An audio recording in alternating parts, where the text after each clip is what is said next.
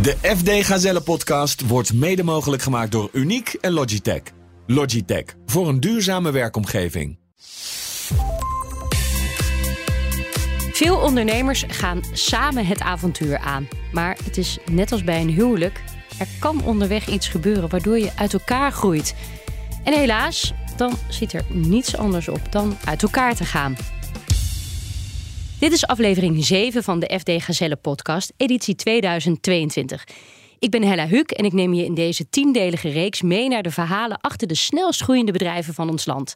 Dat doen we in aanloop naar de uitreiking van de FD Gazelle op dinsdag 22 november. Met deze keer Bluebird Day. Te gast is Wim Laai.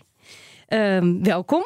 Dank je. Nou, een heel kwetsbaar onderwerp eigenlijk. Hè? Dat het, uh, we mogen graag praten over dat het allemaal succes gaat met ons bedrijf. Maar jij gaat vertellen over uh, ja, dat jij en je partner uit elkaar zijn gegaan. Voordat we daarop ingaan, heb ik een paar korte vragen voor je. En uh, als je daar dan ook kort op wil antwoorden, dan komen we daar dadelijk weer nog op terug in deze aflevering. Ben jij nou iemand die um, s'avonds en in het weekend ook met je bedrijf bezig is? Um, bezig sowieso.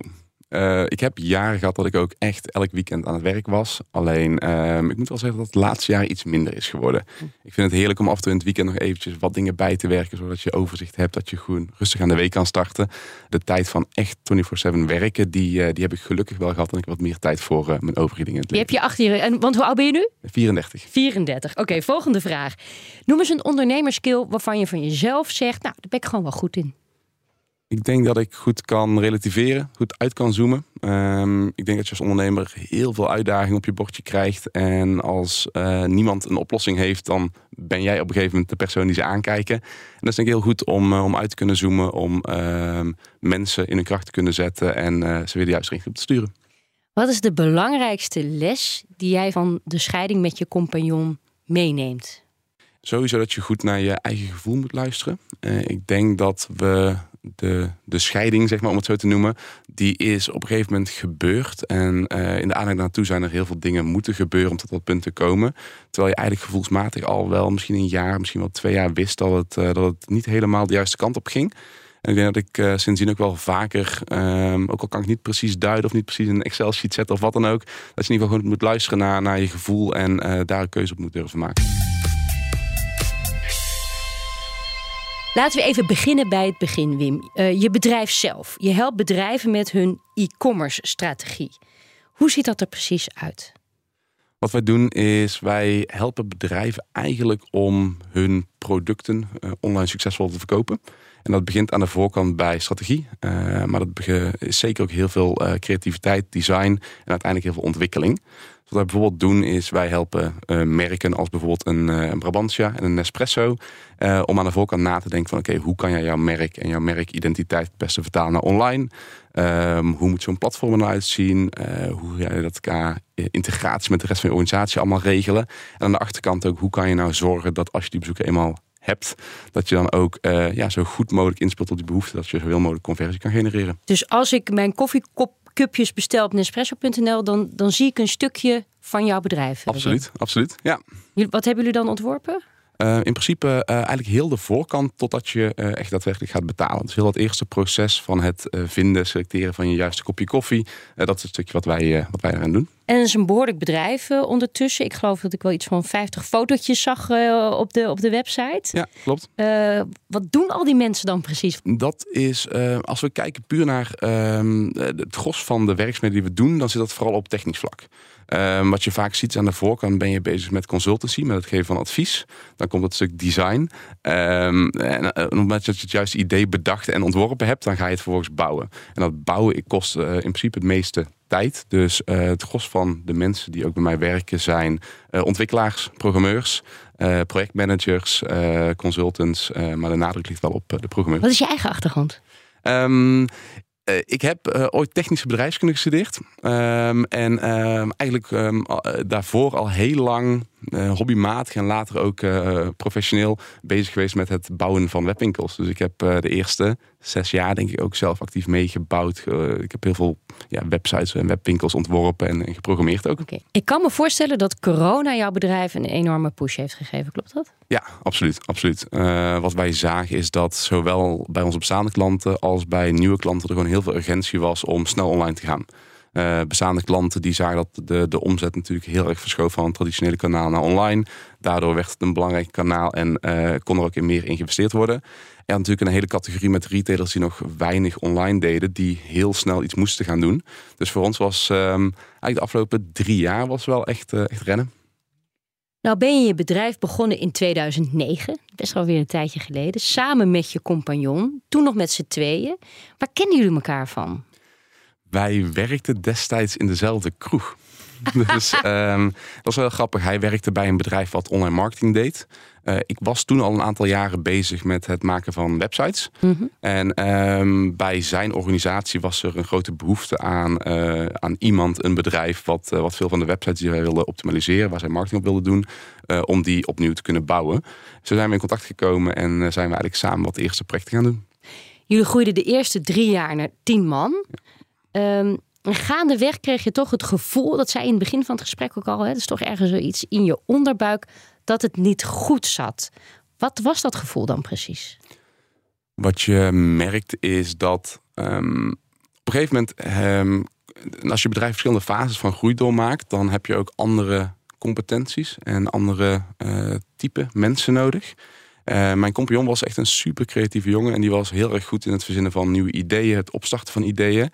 En hij kreeg een stuk minder energie uit, denk ik, ritme, structuur, processen, uh, managen van mensen, dat soort zaken. En daardoor merk je op een gegeven moment dat, er, uh, dat de betrokkenheid wat wisselvalliger werd. Hij zat wat minder lekker in zijn vel, denk ik. Uh, hij heeft daar wat verschillende rollen in de organisatie gehad. En uh, ja, je merkte toen op een gegeven moment dat die periode super betrokken was en een bepaalde periode wat minder betrokken. En ik denk juist aan die wisseling merk je ook dat hij gewoon af en toe ik denk wat tijd nodig had om op te laden, om weer energie op te doen. Um, en dat hij dus niet helemaal meer in zijn kracht zat. En, en dat, uh, kan je, dat herken je eigenlijk later. Achteraf herken je dat heel goed. Uh, op dat moment uh, ja, schrijf je toe wellicht aan andere dingen of, of negeer je het een beetje. Maar dat is denk ik het eerste wat je wel merkte. Gewoon die, die wisselende betrokkenheid. Ja, en inderdaad, hoe reageer je dan? Hè? Je bent zelf natuurlijk nog, zelf is het ondernemen voor jou ook een nieuw. Je hebt het nog nooit meegemaakt. Maak je het dan bespreekbaar of vermijd je elkaar? Hoe gaat dat dan? Um, nou, wat er gebeurde is, um, in principe vermeden elkaar zeker niet. We, we hadden uh, goed contact. In het begin spreek ik elkaar natuurlijk op aan. Uh, ook ook samen ondernemen is net een relatie hebben. Je moet gewoon elkaar ook vaak feedback geven. Dus dat is niet iets wat je in die periode doet, maar doe je altijd. Uh, het werd in dit geval heel duidelijk omdat mijn compagnon overspannen raakte. En hij is toen echt een aantal maanden uit de running geweest. En eigenlijk voordat hij overspannen raakte, merkte je wel dat uh, hij was toen commercieel verantwoordelijk. Dat hij wat minder, uh, het, het, lukte wat minder op dat moment. Uh, de resultaten wat minder. En het was natuurlijk wel super belangrijk om ook nieuwe omzet binnen te halen. Dus dan op een gegeven moment ga je wat meer erop zitten. Dan wordt de druk hoger. En ergens is dat voor hem denk ik de druppel geweest. En is hij overspannen geraakt. En dan is het natuurlijk het moment dat je heel erg gaat nadenken. En uh, hij, maar, maar ook ik. En dan ga je op een gegeven moment bij jezelf te raden van... Ja, hoe zie ik de toekomst voor me? Um, als hij over een aantal maanden weer kan gaan reïntegreren... Um, um, wil ik dan doorgaan op deze manier? En toen kwam op een gegeven moment wel het besef van... ja, volgens mij worden we daar beide niet gelukkiger van. En ja, dat moet je op een gegeven moment bespreekbaar gaan maken. Dat is natuurlijk super spannend. En die periode daarvoor kost enorm veel energie. Je bent er heel erg veel mee bezig. Je, je ligt veel te piekeren. Je hebt het met vrienden en bekenden over... Uh, en dan komt inderdaad het moment dat je het maar gewoon moet gaan zeggen. En uh, dat is een, een, kwestie van doen. En uh, er is het ook wel heel fijn als het dan bespreekbaar gemaakt wordt. Want uiteindelijk, um, je kan natuurlijk niet helemaal voor hem praten. Maar ik heb wel het idee dat hij op dit moment ook veel gelukkiger is. En dat hij weer doet wat hij, wat hij, wat hij goed kan. En um, dat hij, dat het achteraf gezien voor hem ook een hele goede keuze was. Dus ik denk dat we daar ja, een goed gesprek over hebben kunnen voeren met elkaar. Wim Lahaai van Bluebird is mijn gast. We praten zo meteen hierover door. Maar eerst een concrete groeitip. En deze keer komt die van Helene Dura van Oort. Als je de ambitie hebt om te groeien, wees dan onwijs ambitieus in de mensen die je om je heen verzamelt. En don't settle for less. Dus wat bedoel ik daarmee? Ehm, probeer mensen om je heen te verzamelen die slimmer zijn dan jouzelf. Je hebt daar ook geen angst voor. En die anders zijn dan jouzelf. Zelf heb ik ooit die fout gemaakt om dat niet te doen, of in ieder geval niet daar ambitieus genoeg in te zijn. En uiteindelijk had ik veel verder al in kortere tijd kunnen komen als ik dat wel had gedaan. En dat is zonder uitzondering uh, wat ik nog steeds zie bij bedrijven waar ik zelf bij betrokken ben. En dat zijn er uh, veel. En nog steeds waar ik vaak ook zie dat ondernemers heel voorzichtig zijn. Uh, omdat uit angst of uit onervarenheid of omdat ze denken dat ze toch zelf misschien ja, de beste persoon zijn hè, om dat te beslissen. En mijn tip zou dus echt zijn: wees daar extreem ambitieus in. Juist met dit soort mensen om je heen ga je zoveel sneller. Weet je, het is niet voor niets dat alle grote bedrijven, la Google, zo extreem succesvol zijn. Dat is alleen omdat ze super, super strikt zijn in hun hiring policy. Die ambitie, die kan denk ik nog wat meer worden teruggezien, ook bij Nederlandse entrepreneurs. Wim Laai van Bluebird is mijn gast. Uh, de tip was van Helene Dura van Oort. Zij is uh, investeerder. Uh, komt het jou bekend voor wat Helene zegt? Ja, absoluut. Um, zeker als je in een, tak van sport zit waarbij mensen je belangrijkste asset zijn, dan is um, goed aannemen, kritisch kijken naar competenties van mensen, zodat je ambitieuze mensen hebben die, die willen groeien, die, die zichzelf beter willen maken. Dat is essentieel.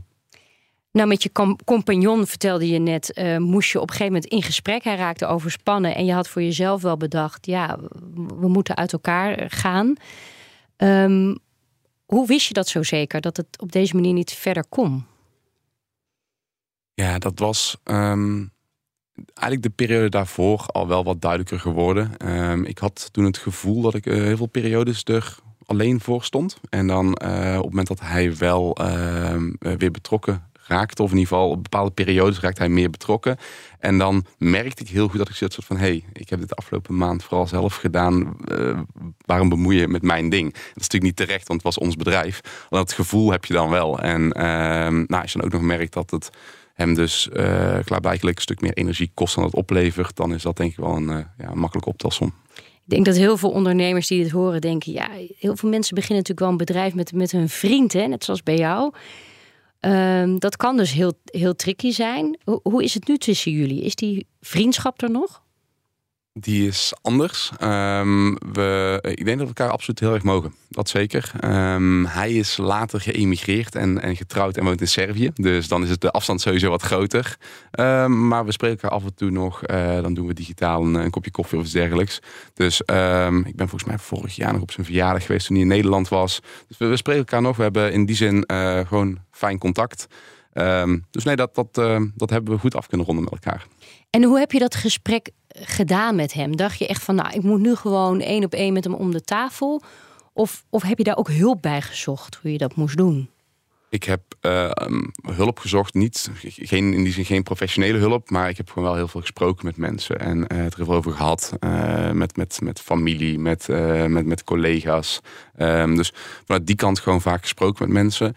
En op een gegeven moment ook maar gewoon zeggen wat je denkt. Want volgens mij haal jij hier ook niet je energie uit. En volgens mij is het beter als we niet samen verder gaan. En uh, ja, ik kan me voorstellen dat dat een heftige boodschap is die je brengt, maar denk daarover na. En uh, ja, heel gelukkig kwam hij ook wel, denk ik, tot diezelfde conclusie. Was misschien wel een opluchting dat je het zei. Um, op dat moment sowieso. Ja, dat is natuurlijk een moment waar je, waar je weken naartoe aan het werken bent. Uh, uh, zeker in je hoofd. En als het dan uit is en het is bespreekbaar, dat is heel fijn. En, en dan kan je met elkaar uh, gaan nadenken over, over vervolgstappen. Maar het is heel erg lekker als dat inderdaad uitgesproken is. En toen besloot jij van, nou, dan neem ik jouw aandelen over. Wat nog best voor jou een ondernemersbeslissing was. Want ondertussen, ja, hij had de sales, ja, omdat het hem gewoon niet meer lukte. Dat, dat, hè, dat, dat liep niet. Dus de opdrachten liepen terug. Dus voor jou wel een beslissing ook zakelijk gezien. Van, oh jeetje, nou neem ik eigenlijk op het moment dat het iets minder gaat, zijn deel over. Ja, absoluut. Um, we merkten inderdaad dat we hadden nog op dat moment wel, wel werk. Maar je zag gewoon heel duidelijk dat er binnen een maand, twee maanden echt wel een uitdaging aan zat te komen. En uh, er moest heel erg aan getrokken worden om dat goed te krijgen. Om de, de, ja, de zaak overeind te houden. Dus toen ben ik heel erg gaan nadenken. Um, enerzijds ehm, ehm, kost iemand uitkopen veel geld. we waren toen al wel een paar jaar bezig, maar we waren niet dusdanig succesvol dat je een enorme bankrekening had. Dus het voelde voor mij wel een beetje alsof je zeg maar, alles op zwart ging zetten. Het was een soort van alles of niks. Maar elke, elke euro die je had opgebouwd daarvoor, die moest je gebruiken om hem eh, uit te kopen. En als het dan niet zou lukken, ja, dan, dan zit je met een uitdaging. Dus uh, ik heb letterlijk gesprekken gevoerd met mijn boekhouder. Van, ja, wat, wat betekent schuldsanering? Uh, hoe werkt dat? want destijds hadden we nog een krediet bij de bank. Daar stond ik privé voor aansprakelijk. Nou, dan ga je volgens met je vriendin in gesprek van nou, dit betekent schuldsanering. En uiteraard ga ik er alles aan doen om het te voorkomen. Maar ja, het is wel een optie die, die je moet bespreken en waar je over na moet denken. Um, en op een gegeven moment gelukkig wel van, van, van haar en van, van andere mensen het vertrouwen gekregen. Van ja, eh, als je denkt dat je het uh, in je eentje overeind kan, eh, kan houden en het recht kan trekken, dan, dan vooral doen. En dan ja, ervoor gaan. Je vertelt het nu met een lach, maar eigenlijk als je het zo vertelt, krijg ik al bijna stress van wat moet dat betekenen als je s'nachts in je bed ligt. Uh, maar je zei in het begin van het gesprek, ik kan wel goed relativeren. Ook in die tijd, want uh, ja, het klinkt ontzettend stressvol. Ja, um, het, het, is ook zeker stressvol. En um, ook als je goed kan relativeren, dan, dan heb je zeker stress. Maar um, ik ben denk ik ook van mezelf wel een optimist. En ik, ik had ook zoiets van, nou uh, laten we ervoor gaan. Ik was nog jong. Ehm, ik was toen, wat zal het zijn, 26. Ik had zoiets van, ja, kijk, ehm, ehm, ik heb geen kinderen. Uh, ik heb geen gezin te onderhouden. Dus in die zin is, is geld dan ook maar geld. En, en kan je dat risico wel nemen. Ik denk op het moment dat je wel een gezin en kinderen hebt, dat je daar anders in kan staan. Voor mij was het wel zoiets van, nou, ik denk dat, uh, ik denk dat mij het gaat lukken. Dus, dus laten we het vooral maar doen. Nou, en je had gelijk. Eindgoed al goed. Je hebt het gered. Je bent gazelle. Je bent een snelle groeier. Hoe, is, hoe anders is je bedrijf nu? Wat want je hebt natuurlijk wel moeten ingrijpen qua structuur, qua organisatie, qua management. Ja, absoluut. Het is um, honderd keer professioneler dan het toen stond. Toen waren we echt, um, ik denk, een club uh, jonge uh, gasten en meiden die, die heel veel energie halen uit het werk. Maar achteraf gezien was er gewoon weinig grip. Er was weinig managementinformatie beschikbaar. Uh, het was vaak terugkijken in plaats van vooruitkijken. Dus dat is, uh, ja, het is compleet anders nu. Um, er staan veel duidelijkere processen. we hebben uiteindelijk ook veel betere mensen nu dan toen we toen hadden. gestructureerde opleidingsprogramma's op, op alle facetten zijn we geprofessionaliseerd. En je hebt dus nu 50 man. Um, je managementteam is nog, bestaat nog steeds uit twee. Ja. Is dat goed vol te houden? Um, het is zeker goed vol te houden. Je merkt wel dat er nu een, een dat er ja, ergens in de komende jaren, als het op de tempo doorgaat, in ieder geval, dat er een omslagpunt gaat komen. Uh, wat we, ik geloof zelf heel erg in het hebben van vrijheid en autonomie in je werk. Dus daarvoor, we hebben ook rondom die principes hebben we de organisatie ingericht. Dat hebben we gedaan uh, om een methodiek, of in ieder geval geïnspireerd door uh, Holacracy. Dat is een methodiek die, um, die eigenlijk zegt dat je niet zozeer managers hebt, maar dat je bepaalde takenpakketten, bepaalde rollen hebt. Waardoor je mensen dus naast hun kernfunctie ook bepaalde verantwoordelijkheden kan geven. Dus we hebben in de organisatie hebben we wel heel veel mensen die, uh, wij noemen het dan de, de leads, die een lead zijn over een bepaald domein of over een bepaalde ja, functiegroep, functiecategorie. Um, uh, dus die doen ook heel veel zaken. Dus het is echt niet zo dat wij met z'n 52 mensen aansturen. Uh, maar hiërarchisch hebben we het gewoon geprobeerd om zo plat mogelijk te houden. Dat gaat heel goed. Uh, je merkt wel dat er op een gegeven moment steeds meer van die leadrollen komen. Die natuurlijk wel ja. allemaal uh, uh, ja, gemanaged moeten worden. En daar zal een keer een squeeze in komen. En dan zal je wellicht wat meer verdeling in je managementteam willen gaan ja, maken. Ja, interessant. Ja, we hebben eerder in deze podcast Mark Vletter van Voice gehad. Die ook met dat holocracy principe werkt. Dus luisteraars die dat nog even willen terugluisteren. Mm. Die kun je nog even terugzoeken natuurlijk bij ons op de site. Um, tot slot, uh, elke ondernemer vragen we om een, om een groeitip. Uh, voor andere ondernemers of uh, mensen binnen bedrijven die ook willen groeien natuurlijk. Welke heb je voor ons? Ik denk dat de belangrijkste verandering die ik destijds heb aangebracht, denk ik ook wel de meest impactvolle, is geweest. En dat is um, durf focus aan te brengen, durf keuzes te maken. Wat wij hebben gedaan, net toen we uit elkaar gingen, toen heb ik eigenlijk gezegd van oké, van welk type project van welk type klant worden wij gelukkig? En hoe kunnen we de organisatie daarvoor klaar gaan stomen? Dus als eerste kleur bekennen van oké, okay, waar word ik enthousiast van? En daarna heb ik uh, zowel intern als extern heel veel focus aangebracht. Dus extern door een deel van mijn klantenportefeuille te verkopen. Uh, zodat we echt, uh, ik denk van 130 teruggingen naar 30 klanten. Dat we echt focus konden hebben op die klanten. Daarnaast zijn we intern met een, een methodiek gaan werken, heet OKR's, Objectives and Key Results. Waarin je eigenlijk steeds per kwartaal een centrale thema, een soort van mini-missie centraal stelt. Daar uh, koppel je hele heldere doelen aan die super ambitieus moeten zijn. En ga je eigenlijk in twaalf iteraties van een week ga je naartoe werken. En als je dus heel duidelijk een keuze maakt van oké, voor die type klanten gaan we op deze manier meerwaarde leveren. En op deze manier gaan we met heel de organisatie allemaal aligned daaraan werken. Dan merk je dat je super snel verandering teweeg kan brengen. En uh, dat je in ieder geval iedereen uh, naar dezelfde stip kan laten werken. En dat heeft denk ik ons enorm geholpen om uh, minder van links naar rechts te gaan en echt ja, snel impact kunnen maken. Dankjewel voor je komst. Ik vind het heel mooi dat je je succes wil delen, maar ook de tegenslagen die je hebt gehad. Wim Laai van Bluebird, dankjewel. Dit was de zevende aflevering van de FD Gazelle podcast, editie 2022. Inspirerende verhalen over de snelst groeiende bedrijven van ons land. Die vind je ook op fd.nl slash gazelle. Tot de volgende aflevering.